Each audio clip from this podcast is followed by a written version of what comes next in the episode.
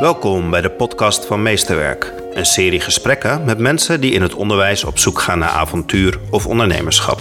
Zij die de kanteling of de versnelling van het onderwijssysteem inzetten. Gesprekken over het meesterwerk dat deze mensen in het onderwijs realiseren. Mijn naam is Janja Hubeek en dit is Meesterwerk.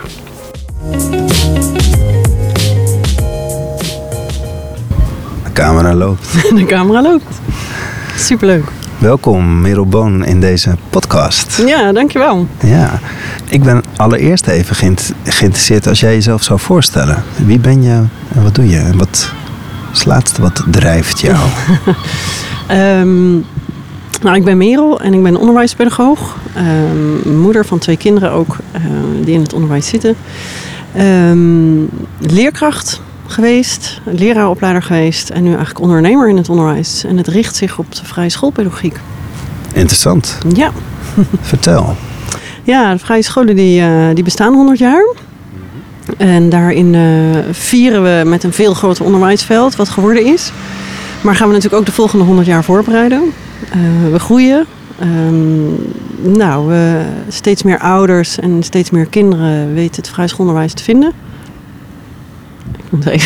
Heel goed in de de microfoon. praten. microfoon. Ehm, en eh, ehm, Maar dat is interessant wat je zegt. Want je zegt ik ben ondernemer en je bent ondernemer in het vrije schoolonderwijs. Ja. Als pedagoog. Ja. De, help mij eventjes. De, wat doe je als ondernemer in het vrije schoolonderwijs? Ja, ik denk dat ik altijd ondernemend ben geweest in het onderwijs. Ehm, eh, maar dan gewoon, eh, ja, of, of niet gewoon, maar altijd met heel veel plezier in een school of in een leraaropleiding heb gewerkt. En dat ik eh, dat wat ik altijd ondernemend deed, dat ik nu dat onderneming heb gemaakt. Dus Mooite bestaat. En eh Mooite, de bedoeling van Mooite is om bij te dragen aan eh, professionalisering van eh vrije schoolleraren. Om zich te verbinden echt met de binnenkant van de pedagogie.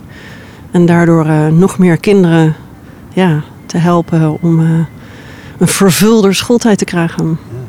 Kan je in een paar zinnen de kern van het vrije schoolonderwijs en de pedagogiek daarin framen? Of? Zeker. Het gaat eh, in de vrije schoolpedagogie eigenlijk ehm, om een eh, in de wereld komen als mens. Je ook steeds opnieuw tot die wereld verhouden. En dat denken we niet alleen eh, van een geboorte tot aan een dood. Of van een geboorte tot aan 21 of 18 in een opvoedingssituatie. Maar eigenlijk ook groter. Met een spirituele wereld inclusief. Dus het holistische gaat ja, niet alleen over het fysieke mens zijn, maar ook over een aardewereld en een spirituele wereld. Een kosmische wereld die we echt mee willen nemen in ons handelen. En die er dus in elk detail toe doet. Ja. En dat is de gezamenlijke bron van waaruit vrije scholen zijn ingericht. Ja, dat is de oriëntatie van de vrije schoolpedagogie. Richt zich op het in de wereld komen van de jonge mens. En de, en de pedagogisch opvoedkundige rol. Eigenlijk de erziehungsrol. Dat is eigenlijk een heel mooi woord voor. Eh, die je daar als, als opvoeder en leerkracht in hebt. Ja. Het lijkt me best een hele grote vraag of verantwoordelijkheid waarmee je dan in een klas met kinderen aan de slag gaat, of niet? Ja, maar je doet het natuurlijk altijd samen. Hè, Met het kind, met de ouders, met de community, met de maatschappij en ook met een wereld. En het mooie van vrije scholen is dat we wereldwijde eh, pedagogische beweging zijn. Ehm, en over heel de wereld scholen bestaan die vorm krijgen vanuit deze intentie. Maar natuurlijk allemaal een eigen vorm hebben gekregen. Dus de, de oriëntatie is eigenlijk overal hetzelfde. Heeft, is eigenlijk eh, ja, heeft een, een universele eh, inhoud. Maar de vorm is elke keer weer anders. En dat vind ik zo super tof. Dus de school in Maastricht of de school in Groningen verschillen allemaal. Maar ook in India, Tokio, Dubai, Rusland, Amerika, Canada. eh, krijgen eigenlijk vanuit de eigen culturele achtergronden... eh, ja, worden de verhalen en de liederen verteld. En allemaal richting, ja, en allemaal met de bedoeling eigenlijk om het kind uit te nodigen om zich met die wereld te verbinden. Dus de leraar is eigenlijk die brug tussen die wereld en dat kind. Of verbindt, maakt die verbindingen, eh, of zorgt dat die verbindingen tot stand kunnen komen. Kenmerk is een, eh, een, een leraar. Wat doet hij dan in, in zijn handelen om dat te verbinden in de klas met de kinderen? Een leraar, ehm, dus waar we van uitgaan is het ontwikkelen van mens zijn en mens worden, het vrij mens worden. Ehm, en wat een leraar doet, is dat hij dus ja, zichzelf zo tot instrument heeft gemaakt dat hij de fase en de ontwikkelingsfase waarin het kind is, En uh, de wereld eigenlijk in een optimale verbinding kan brengen. Zodat het bijdraagt aan de ontwikkeling van het kind om in de wereld te komen. Dus de ontwikkelingsfase, dus de fase waarin een kind, de universele uh, ja, mensontwikkelingen, die zijn over heel de wereld gelijk. Als ik mensen vraag van, goh, hoe oud was je toen je eerste herinnering had? Dan zeggen mensen altijd zo tussen de anderhalf en de, en, en de drie, vier jaar. En als je vraagt, goh, wanneer, hè, hoe oud was je toen je tanden wisselde? Ja, dan zeggen mensen, nou, ik was vijf of zes of zeven of acht. Maar ergens in die marge zit het. Er is eigenlijk niemand die eerst zijn tanden heeft gewisseld voordat hij zijn eerste herinnering had. Dus die wetmatigheden van mens worden, die doen alle mensen op de hele wereld gelijk. Allemaal anders, allemaal op een unieke manier. Niemand wisselt tanden zoals iemand anders. Maar die ontwikkeling van mens zijn, die willen we, daar willen we vanuit de pedagogie aan bijdragen. Maar dat klinkt bijna als, als uh, nou, het is holistisch, maar het, is groter dan alleen maar een school, of niet? Het is nogal een verantwoordelijkheid die je dan als leerkracht in zo'n groep hebt. Je draagt echt bij aan de ontwikkeling van, de brede ontwikkeling van een kind. Ja, maar ik geloof niet dat het vrij schoolonderwijs daar een uitzondering op is. Of zie je dat anders? Um, we komen toch ook wel op scholen waar het vooral om cognitie gaat? Ja, je hebt natuurlijk eh, dus de, de, de de nadruk die gelegd wordt op cognitieve vaardigheden of op sociale vaardigheden of op die mensen in de wereld willen zijn, uh, die verschillen per school en per school ja, vorm waarin je het onderwijs uh, giet. En mijn indruk is dat uh, de vrije scholen eigenlijk heel erg die ja, dat flipped curriculum waar Gert Biest het over heeft. Dus de pedagogie voor opzetten. Ja, daar nadrukkelijk een bedoeling hebben. En ik zie ook dat dat lang niet overal lukt tegelijkertijd. Maar dat ik probeer daar in ieder geval aan bij te dragen. Langs mijn verhaal. Langs juf, langs leraaropleider. En nu als uh, ja, zelfstandig ondernemer. Ja, zelfstandig ondernemer. Ja.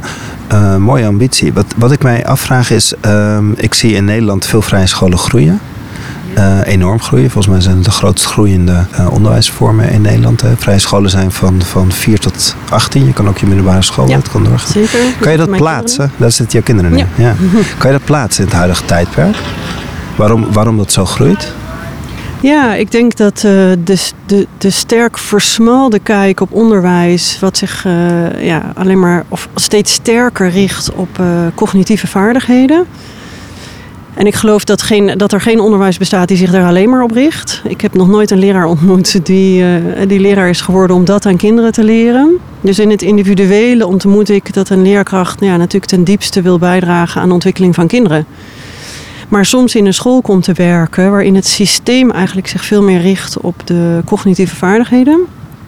Um, en ouders en kinderen um, ja, steeds uh, in die versmalling sterker voelen van... oh, maar er moet toch nog iets anders zijn. Hè? Of, of er, de, ja, ik, ik gun mijn kind... Um, ja, dat hij niet... Hè, het gaat niet om talent inzetten, maar het gaat eigenlijk ook om ja, nog niet gekende uh, vermogens uh, helder krijgen. En die zitten niet alleen in een hoofd. Die zitten ook in andere gebieden van het mens. En die verbinden zich ook met een spirituele wereld en een aardewereld. En hoe gaan we om met een aardewereld en met elkaar? En uh, dat we daarin andere dingen uh, ja, oefenen met elkaar. Zo zie ik het echt in de klas. Uh, leraar en kinderen. ik denk dat daar verlangen naar is bij ouders en ook bij kinderen. Dus soms zie ik dat ouders hun kind meenemen en soms zie ik dat kinderen hun ouders meenemen. En die laatste groep is echt veel groter. Dus kinderen die de weg vinden naar het vrije schoolonderwijs omdat ze ergens vastlopen. En dan hun ouders meenemen, waarbij ouders ja, gewoon ervaren, mijn kind uh, ja, die, die komt tot bloei, die gedijen, die gaat verhalen vertellen, die gaat zingen, die gaat dingen creëren. Dat vind ik een teken dat, een, dat er vervulling is voor een kind. En als ouders dat waarnemen, dan hoeven ze verder niet heel veel meer te weten over de vrije schoolachtergrond, volgens mij. Nee. nee, als hoeven ze daar niks over te weten. Nee. nee. En hoe beweeg je dat tussendoor als ondernemer? Want je, je bent je eigen onderneming daarin gestart? Ja, ik ben uh, mijn eigen onderneming gestart, omdat ik. Uh, ja, heel erg, uh, ja, gewoon graag um, ja, vanuit wie ik ten diepste ben, met al mijn ervaringen als leraar, leerkracht, maar ook als leraaropleider, um, ja, een, een, plek wilde creëren waarin we met elkaar in de, ja, juist ook die hele snelle groei van vrije scholen, een plek creëren waar we even weer stilstaan bij wat was nou eigenlijk ook alweer de bedoeling. En ik zie dat dat in juist omdat vrije scholen snel groeien, uh, en de prioriteit is natuurlijk gebouwen en stoelen, zodat we überhaupt les kunnen geven. En dat snap ik. En tegelijkertijd vergeten we daarin ook vaak... oh ja, maar wat wilden we nou ook alweer? En, Ook bij de vrije school. ja, juist ook bij de vrije school. Ja? Ja? en, en vrije scholen hebben niet alleen een... Ja, die hebben hetzelfde probleem als in het hele onderwijs, namelijk te weinig leraren. En daarbij hebben ze ook een, een, een, ja, een kwalitatief probleem, namelijk te weinig leraren die, die, die zich zo verbonden weten met de essentie en de intentie van de vrije schoolpedagogie, dat ze die zelf vorm kunnen geven iedere dag. Met de kinderen in hun klas. Ja. En, En de maatschappij en de ouders. en wat doe je dan eh, praktisch? Begeleid je leraren, coachen? Ja, ik begeleid leraren. Ik noem dat geen coaching, maar mentorschap. Oké. Zit het ook in taal, vrije school? Eh, in wat voor taal? Nou ja, ik, ik gebruik nu een ander woord, coach. Ja, coach, ja, coach kan iedereen zijn, maar mentorschap gaat voor mij om mijn ervaring te delen met mensen, eh, zodat zij verder komen in hun proces. Een coach heb ik altijd het idee, die kan ook, hoeft er niet per se iets vanaf te weten. Ah, zo. en kan anderen dan met hele goede ideeën helpen. Wil je ernaast staan in plaats van eh, de, de aanjager zijn? Ja, Zit het zeker. daarin? Ja, Ja. zeker. Ja, en ik wil ook heel graag. eh, ik hoop gewoon heel erg eh, dat ik met mijn ervaringen, al mijn onderwijservaringen, sta nu bijna 21 jaar in het onderwijs. Ik dacht dat is wel tijd om op eigen benen te gaan staan. om volwassen te worden en te zijn. En, en daar ook in te geloven dat ik dat kan. Dus dat vind ik ook nog niet zo makkelijk. Maar ehm, dat ik met mij, met alles, ook mijn shit en ook mijn, eh, wat ik, wat ik, waardoor ik gegroeid ben, anderen kan helpen met hun volgende stap in het leraar zijn. Ja. En, en natuurlijk gaat het om de kinderen in de klas. Ja. Ja. ja. En hoe zie ik dat voor me? Z- Draai je mee in, in klassen of heb je gesprekken met leraren? Hoe geef je je ondernemerschap vorm? Ja, eh, verschillende delen. Eh, mijn hoofd, eh, ehm, ja, het belangrijkste zijn eigenlijk drie trajecten. Die gaan over wat, het bestuderen eigenlijk van wat, ja, een impuls, ook van mezelf. Van wat is eigenlijk die intentie van die vrije schoolpedagogiek? Ehm, en eh, ja, heel erg, eh, of dat betekent in je denken eh, helder krijgen wat voor, waar jij, hoe jij je kunt verbinden aan die intentie. Hoe je beter kunt waar gaan nemen van, oh ja, zo kan ik zinvolle gedachten ontwikkelen over opgroeiende mensen die in de wereld ja, komen. En het tweede traject gaat over ehm, eh, het beter waarnemen van mijn eigen voelen. Dus waar zit bij mij, ehm, hoe kan ik eh, ook in gezondheid een goede, gezonde leraar zijn? Hoe kan ik stilte hebben? Hoe kan ik vitaal zijn? Wat betekent dat voor ja, ook eh, discipline in voeding of in ja, het hele gebied van gezondheid? En het derde gebied gaat eigenlijk over het handelen. Dus kan ik beter mijn handelen waarnemen. En ehm, eh, zien welke momenten lukte nou en welke momenten waren betekenis niet alleen voor mij, maar ook voor die leerling. We hebben vaak gouden momenten als leraar beschrijven waarin wij een heel goed gelukt moment ervaren. Wat nog niet altijd wil zeggen dat die leerling dat ook zo ervaren heeft. En dat mis ik. Dus daarin eh, ja, gaan we zoeken naar momenten waarin, dat, ja, waarin je voelde van, oh ja, maar daar waren we allebei. Daar ontstond het voor ons allebei. Ja. Het klinkt ook dat je heel veel ruimte en tijd neemt om dus ook stil te staan bij jezelf. Wie ben je? Hoe Ja. sta je erin? Sta ik er gezond in? De balans? Ja. Ehm, wat ik me dan ook wel afvraag is, ehm, als je dat even afzet tegen de zwart-wit hoor, maar tegen het reguliere onderwijs, wat gebeurt er dan op zo'n school dan ook niet? Want we hebben dezelfde tijd, we hebben eenzelfde vorm van gebouw. Wat, wat doen we allemaal niet op een vrije school ehm, waar leerkrachten in het, in het regulier onderwijs ontzettend druk mee zijn? Ehm, wat ik heel erg waardeer in het regulier onderwijs is dat, ze dat mensen heel goed zijn, ook als ik daar werk of als ik bij, daar bij leraar in de klas ben, dat ze heel goed zijn in het expliciteren van eh, wat ze doen en waarom ze dat doen. En, en dat ze heel open zijn en dat ze heel veel vragen hebben en dat ze heel erg bereid zijn om samen te leren. Dus er is een, wat, wat ik ontmoet in het regulier onderwijs is een enorme open leerhouding. En ja, dat kan ik enorm waarderen. En dat mis ik soms in de vrije scholen. Eh, dus, dus we weten het, of ik weet het, of eh, de punten en, en minder de- het weten inbrengen in plaats van je echte vragen inbrengen. Eh, zekerheden kiezen boven onzekerheden. Ehm. en dat zegt natuurlijk nog niks over wat we wel of niet met kinderen doen, maar toch ook wel. En ik, ik gun eh, ja, eh, ieder kind eh, om ja, steeds weer ja, de uitnodiging te krijgen om ja, ja, die persoon te willen zijn. Ja, Dat voel ik. Hè. Als ik ben mens de- te verschijnen. Ja, dat herken ik. Ik voel het. Ik, ik heb de afgelopen tijd veel vrije scholen gesnuffeld. Dat gebeurt er allemaal. En ik verbaas me ook nog wel over. ehm, het voelt ook nog wel ergens redelijk traditioneel aan. Het, het, eh, ik ben ook gewoon klas tegengekomen waar alles in rijen staat. En er zitten er dertig in een klas. Veel boeken, veel taal. Eh, maar kinderen die enorm verbaal sterk zijn, die ontzettend goed kunnen verwoorden. En dat past heel erg bij wat je zegt. Hè? De aandacht gaat heel erg naar de, de persoonsontwikkeling. Maar het voelt ook nog wel ehm, eh, ook nog redelijk gesloten als zijn wij in deze vorm van, eh, van onderwijs. Herken je dat? Ja, ik herken het wel. Dat eh, heb ik zelf ook, ook wel moeilijk gevonden. Mijn afstudeeronderzoek ging over intercultureel onderwijs op de vrije school. En ik ben daarvoor naar Zuid-Afrika geweest in mijn derde jaar. Omdat ik zo graag aan den lijve wilde ervaren... wat is nou die intentie en de essentie van de vrije schoolpedagogiek. En als ik dan... eh, dus ik ben naar een school gegaan in de townships van Johannesburg... waar in ieder geval niets hetzelfde was als de scholen die ik hier in Nederland kende. Seizoenen omgedraaid waren, geen geld, geen middelen, geen gebouwen, geen eh, niks. In de townships van, eh, van eh, Alexandra.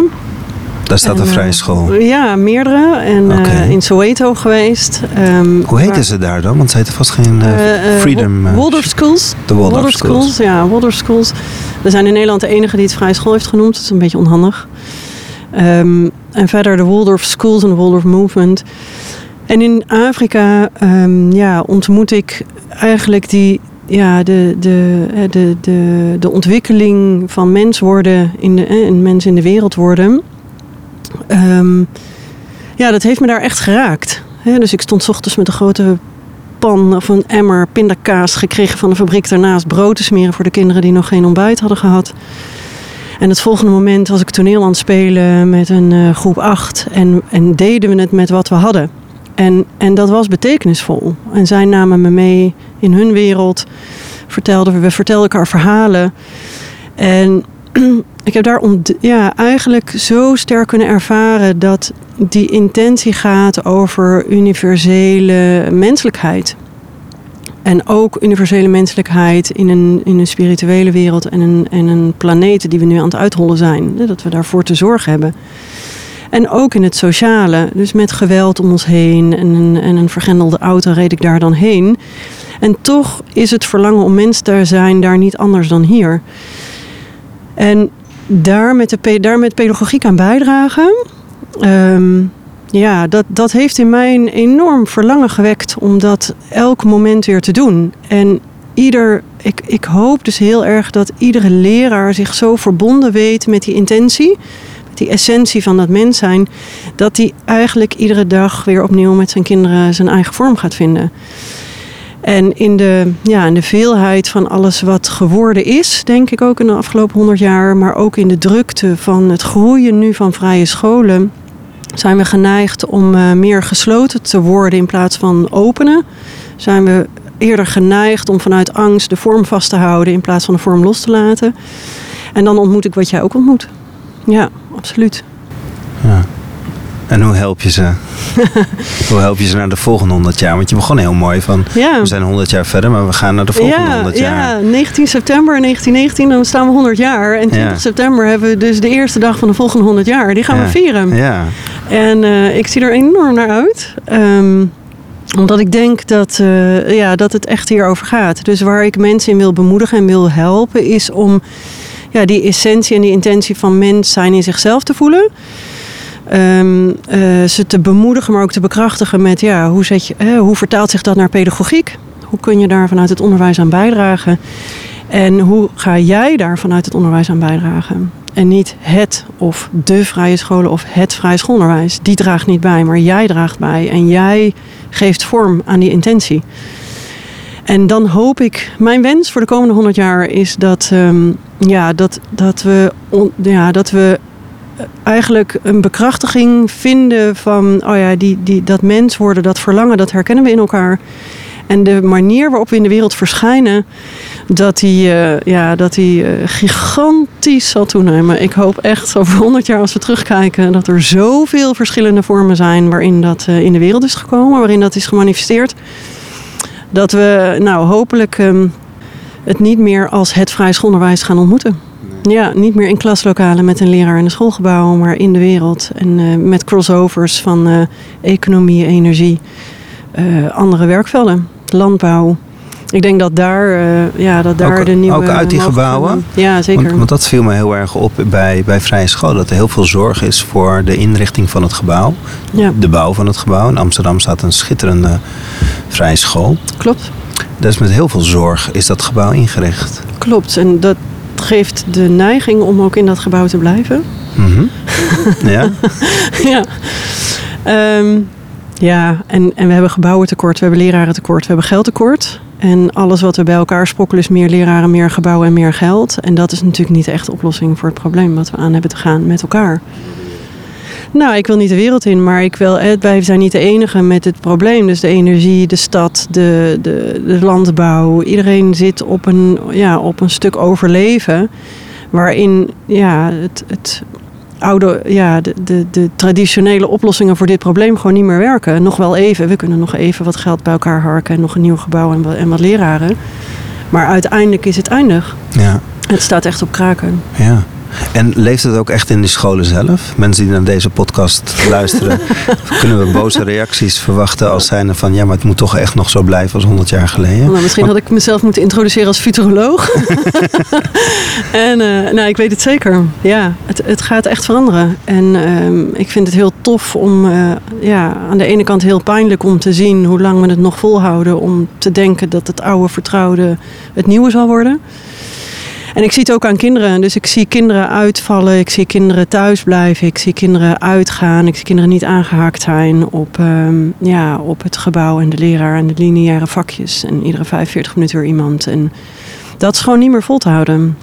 En kinderen in deze tijd, die uh, als we ze vragen, als we ze echt mee kunnen nemen in maatschappelijke vraagstukken waar niemand het antwoord heeft. En ze echt bij kunnen dragen vanuit wie ze ten diepste zijn in een gebied waar wij ook kunnen bijdragen vanuit wie we ten diepste zijn. En we allemaal een volgende stap kunnen zetten. Ja, dat doen we niet alleen met de onderwijszuil op zich. Dat, dat gaat samen met andere, andere partners. Ja. Daar geloof ik in. Daar heb ik zin in. Ja, dus zo kijk je ook uit ja. je ogen. Maar hoe verleiden we die mensen om, om naar het vrije schoolonderwijs te, te gaan? Je zegt ook het vrije schoolonderwijs heeft een tekort aan leraren. Ja, ik heb geen verlangen meer om uh, de ander uh, uh, te overtuigen dat het zo moet. Of om de ander als. Nou, sterker nog, ik ben denk ik wel twee keer echt omgevallen. Omdat ik dat veel te hard wilde en veel te hard zat te duwen op de ander in plaats van op mezelf. Dus wat ik doe is wat ik, waar ik ten diepste in geloof. En, en met vertrouwen in mezelf en. Uh, ja, ik wil daar echt ten diepste een bijdrage aan leveren. Dus langs mijn verhaal ben ik dit aan het leven. En werk ik samen met andere velden en zijn we op die crossovers aan het zoeken naar. Ja, en niet alleen aan het zoeken in het denken, maar zijn we ook echt aan het doen. We zijn uh, met kleine initiatieven bezig om via landbouw, energie en onderwijs, ja, om dat echt te gaan verbinden. Wow, en dat kan niet anders dan dat dat over 15 jaar meer in het onderwijs zichtbaar is. Want ik ben natuurlijk niet de enige. Nee. Kan je een mooi voorbeeld vertellen waar dat gebeurt? En waar, dat, waar de, het ook uh, met elkaar gebeurt? Met, waar die crossovers gebeuren? Um, een van de projecten die ik zelf uh, in het onderwijs heb gedaan... is um, uh, gekeken naar... Um, met kinderen filmpjes gemaakt over bijvoorbeeld de boeren en de landbouw. Waar ontmoet je dat? Nou, dan kom je bij de stadskweektuin, maar ook bij ja, de boer om de hoek. Mensen die zelf een kleine moestuin hebben. En kinderen hebben daar verhalen van gemaakt. En die hebben we gedeeld, ook met cartoonisten over heel de wereld. Uh, die daar cartoons van hebben gemaakt. En uh, de Reporters Under 18 noemt ze hem. Die zijn, ja, die zijn daarmee ook ja, naar een stukje politiek gegaan. Uh, om te zeggen van, goh, ja, wij doen er gewoon toe. Wij willen zo graag mee gesprekspartner zijn in veel grotere vraagstukken. Stop ons niet met een wiskundeboek of een aardrijkskundeboek over landbouw in een klas. Maar laat ons echt meedenken. Laat ons die mensen ontmoeten. Laat ons meedenken over ja, de, de vraagstukken die er niet alleen voor die boer liggen, maar natuurlijk ook voor ons. En kinderen die, ja, die echt uitgenodigd worden om daarin partner te zijn, die, uh, ja, die hebben een wezenlijke bijdrage en zien mogelijkheden die, uh, ja, die wij niet zien. Ja, en waar verschilt dat dan? Um, um, ik heb een, uh, een, paar weken geleden een podcast over opgenomen op een ontwikkelingsgerichte onderwijsschool. Waarin heel erg die wereld de school wordt gehaald en waar die kinderen worden uitgedaagd om bij te dragen aan projecten. En het, voor, het onderwijs wordt daaromheen vormgegeven. Uh, bespeur ik enigszins die kant hoe je dan het onderwijs gaat vormgeven? Ja, zeker. Steeds sterker langs overkoepelende thema's. Steeds minder in vakken. Steeds minder in losse deeltjes, maar steeds meer vanuit grotere gehelen die werkelijk raken aan een, uh, ja, aan een maatschappelijk vraagstuk. En, en dan, hoe verhoud jij jezelf als persoon ook daartoe? Dat is de laag die daar. Nou ja, je bent daar in ieder geval als persoon bij betrokken. En, en je, je hebt iedereen, een, een, een, een, een ouder mens of een jonger mens, heeft daar een stuk weten en een stuk niet weten. En als je dat bij elkaar legt en elkaar uitnodigt om bij te dragen, dat helpt. Ja. Dat is een mooie uitnodiging in ieder geval. ik en ik denk verder, het verschilt natuurlijk niet. Dus ik zie dat er, dat er een steeds groeiender beweging is in het onderwijs, maar ook daarbuiten, om dit met elkaar te doen. En dat helpt. Dus de schaalvergroting waarin eerst individuele mensen kleine pioniersacties hadden, dat raakt langzaam echt verbonden. En dat kan ook bijna niet anders. Dus die stroom die gaat, uh, ja, die gaat groeien. Ja.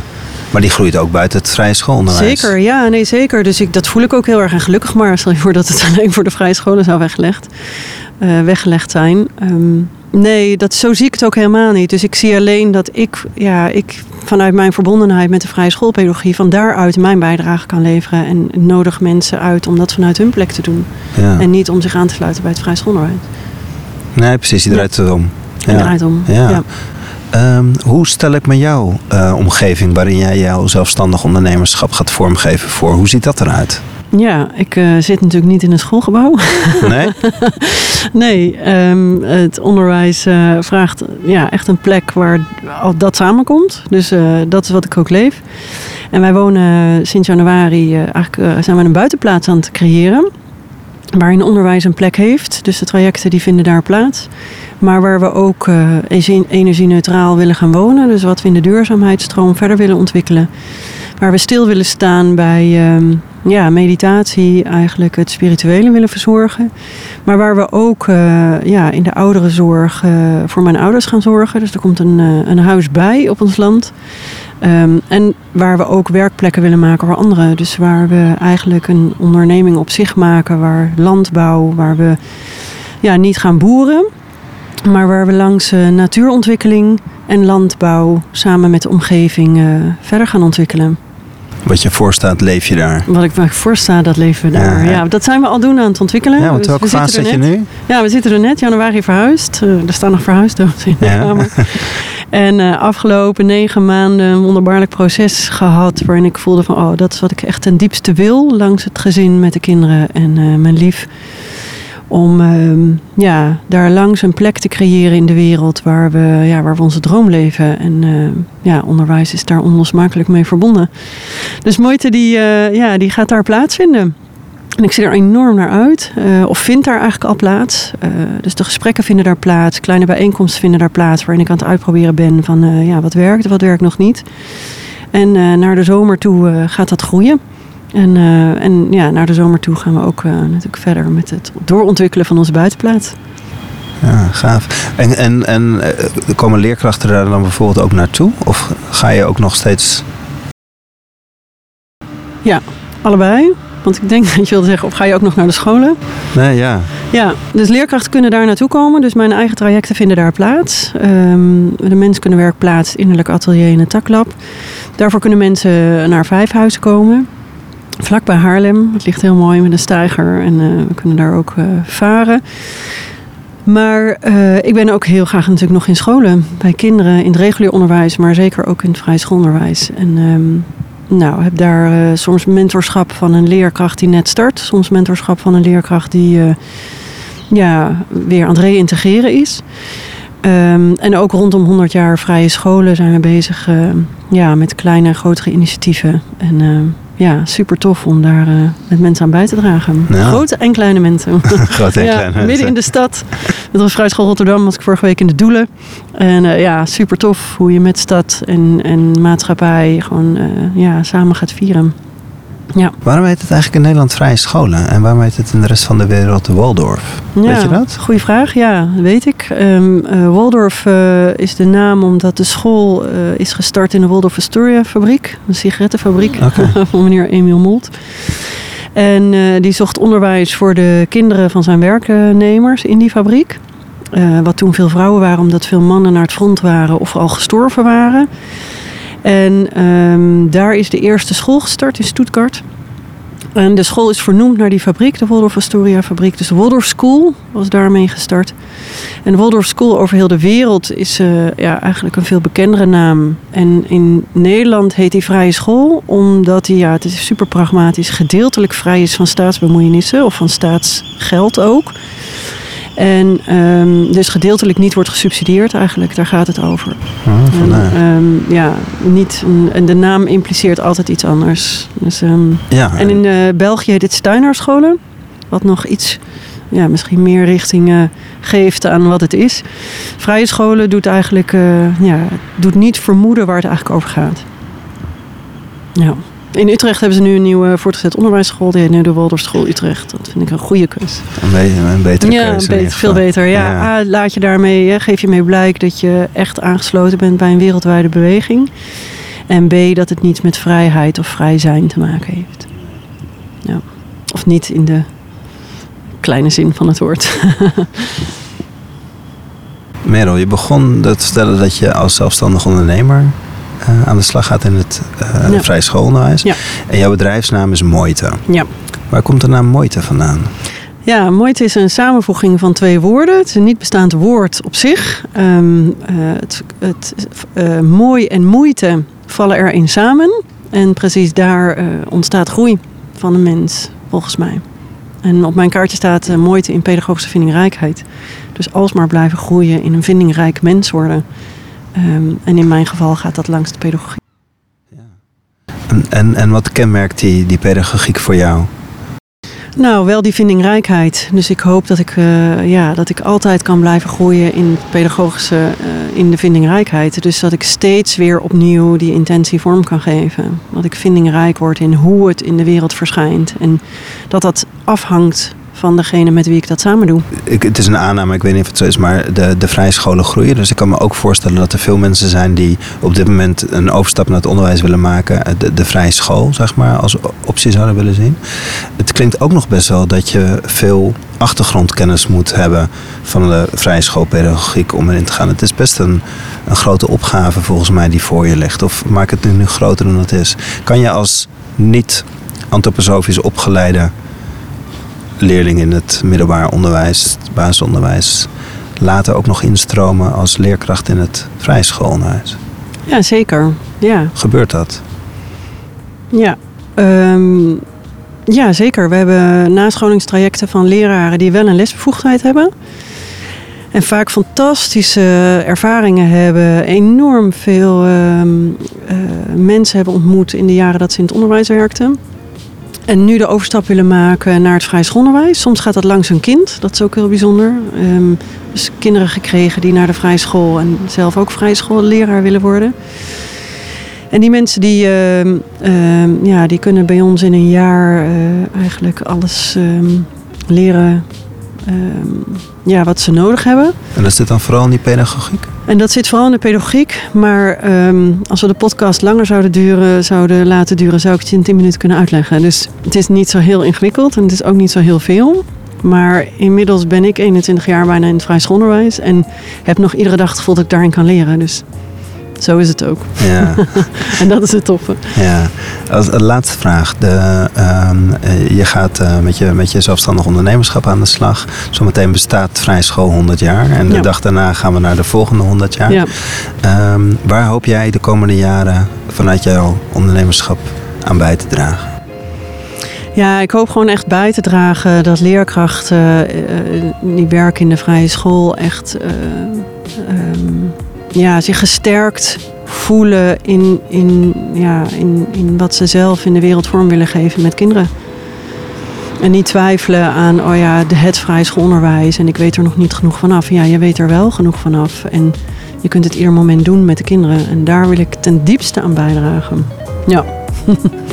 Dat is mooi. Dankjewel voor het gesprek, Merel. Merci, jij ook.